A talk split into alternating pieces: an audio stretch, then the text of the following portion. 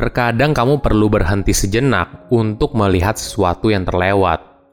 Halo semuanya, nama saya Michael. Selamat datang di channel saya, Sikutu Buku. Kali ini saya akan bahas buku The Things You Can See Only When You Slow Down karya Hamin Sunim. Sebelum kita mulai, buat kalian yang mau support channel ini agar terus berkarya, caranya gampang banget. Kalian cukup klik subscribe dan nyalakan loncengnya. Dukungan kalian membantu banget supaya kita bisa rutin posting dan bersama-sama belajar di channel ini. Buku ini membahas soal panduan bagaimana kamu bisa meningkatkan mindfulness di dunia yang sibuk. Hidup bergerak begitu cepat, tapi bukan berarti kita juga harus mengikutinya. Bagaimana bila dimulai dengan sebuah pertanyaan? Kenapa dunia bergerak begitu cepat? Apakah memang dunia yang semakin sibuk atau pikiran saya yang semakin sibuk? Pada dasarnya, dunia yang kita jalani berdasarkan apa yang kita lihat dari jendela pikiran kita sendiri. Contohnya begini, ketika kita melihat keluar, kita hanya melihat sebagian kecil dunia yang kita sukai. Dunia yang kita lihat bukanlah dunia yang apa adanya, namun tergantung pada pikiran tersebut. Jika pikiranmu penuh dengan kasih dan kebahagiaan, maka dunia yang kamu lihat juga akan seperti itu. Sebaliknya, jika pikiranmu penuh dengan pikiran negatif, maka dunia akan terasa negatif juga. Sama halnya ketika kamu merasa terlalu sibuk dan kewalahan. Ingat, kamu bukannya tidak berdaya, karena ketika pikiranmu beristirahat, maka dunia juga akan ikut beristirahat. Saya merangkumnya menjadi tiga hal penting dari buku ini. Pertama, memberikan jeda dalam hidup. Apakah kamu pernah merasa burnout atau merasa sibuk sekali? Kamu merasa setiap hari berjalan begitu cepat tanpa kendali? Jika iya, apakah memang itu adalah kenyataan yang sebenarnya, atau semua hal itu hanya terjadi di dalam pikiran kita? Dalam hidup, kita perlu jeda sejenak, berhenti sebentar. Apa yang membuat sebuah musik bisa terdengar begitu indah? Tentu saja karena ada jeda antara satu nada dengan nada lainnya. Apa yang membuat sebuah pidato begitu menarik? Tentu saja karena ada jeda yang tepat di antara kalimat yang diucapkan. Inilah pendekatan yang seharusnya kita ambil dalam menjalani hidup. Dari waktu ke waktu, kita perlu berhenti sejenak, memperhatikan nafas, dan menyadari hening di antara setiap suara yang muncul. Pendekatan yang sama juga bisa kamu lakukan ketika ada masalah di hidupmu. Jangan berusaha keras untuk menyembuhkan lukamu secepat mungkin Berikan waktu kepada hatimu dan cukup menunggu. Ketika lukamu sudah siap, maka luka tersebut akan sembuh dengan sendirinya. Pendekatan ini juga bisa kamu lakukan saat kamu merasa hidupmu terasa berantakan.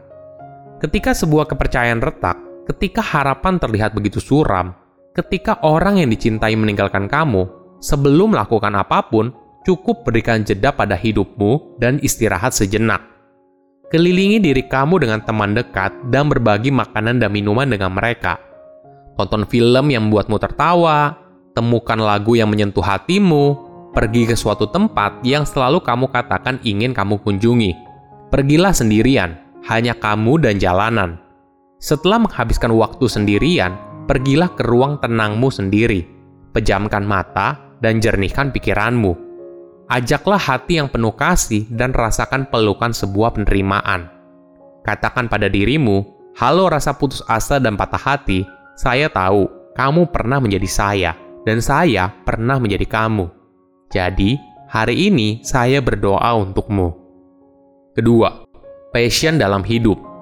Ada sebuah perumpamaan yang menarik. Hemin mengatakan, hidup itu ibarat sebuah pertunjukan teater. Kamu diberikan sebuah peran, jika kamu tidak suka peran yang diberikan, maka kamu punya kuasa untuk menciptakan peran yang kamu inginkan. Oleh karena itu, jangan khawatir atas apa yang orang lain katakan dan lakukan apa yang hatimu inginkan. Jangan juga penuhi pikiranmu dengan pikiran what if atau bagaimana jika.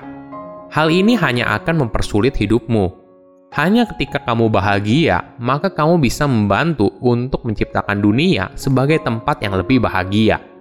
Itulah sebabnya, daripada kamu fokus pada apa yang orang lain pikirkan tentang dirimu, lebih baik kamu dedikasikan dirimu untuk mengejar mimpi yang kamu inginkan. Bagi orang yang bekerja dengan perasaan yang bahagia dan santai, mereka cenderung bekerja secara efisien dan kreatif. Sebaliknya, mereka yang bekerja tanpa henti hanya didorong oleh perasaan stres, bekerja tanpa kegembiraan.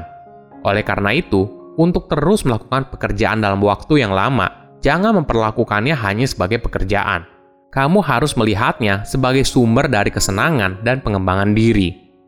Sesungguhnya, jalan menuju kebahagiaan tidak hanya terletak pada menemukan pekerjaan yang baik, tetapi juga dalam belajar menikmati apa yang diminta untuk kamu lakukan.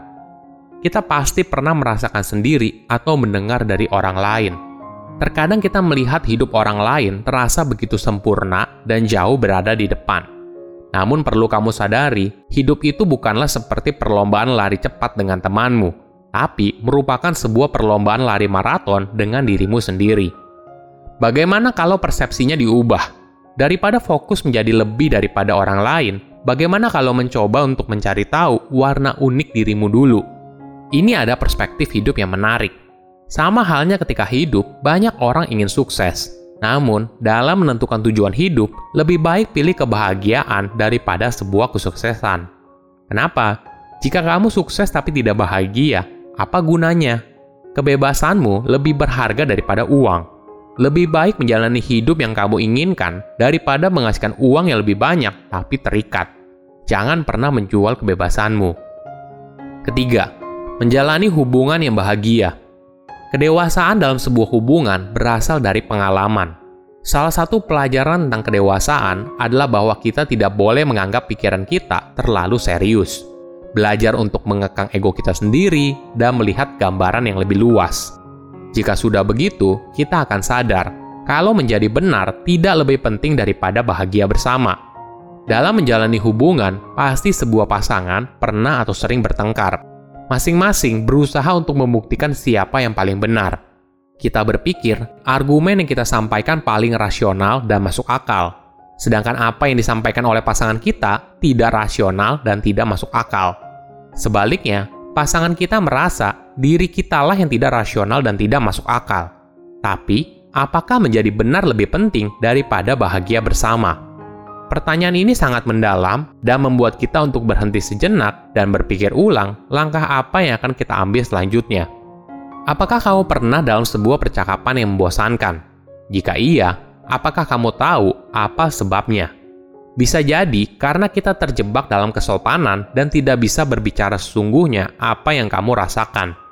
Pada dasarnya, sebuah percakapan bisa menjadi menarik dan seru apabila kalian berdua mulai berbicara dengan kejujuran apa adanya. Mungkin ini adalah masalah utama pasangan yang menjalani hubungan dalam waktu yang lama. Mereka merasa percakapan yang dijalani terasa membosankan. Hal ini terjadi ketika mereka berhenti jujur satu sama lain soal apa yang mereka rasakan. Hidup perlu diberikan jeda dan momen untuk berhenti sejenak. Sama halnya seperti musik yang indah karena ada jeda di antara nadanya. Begitu juga dengan hidup yang kamu jalani.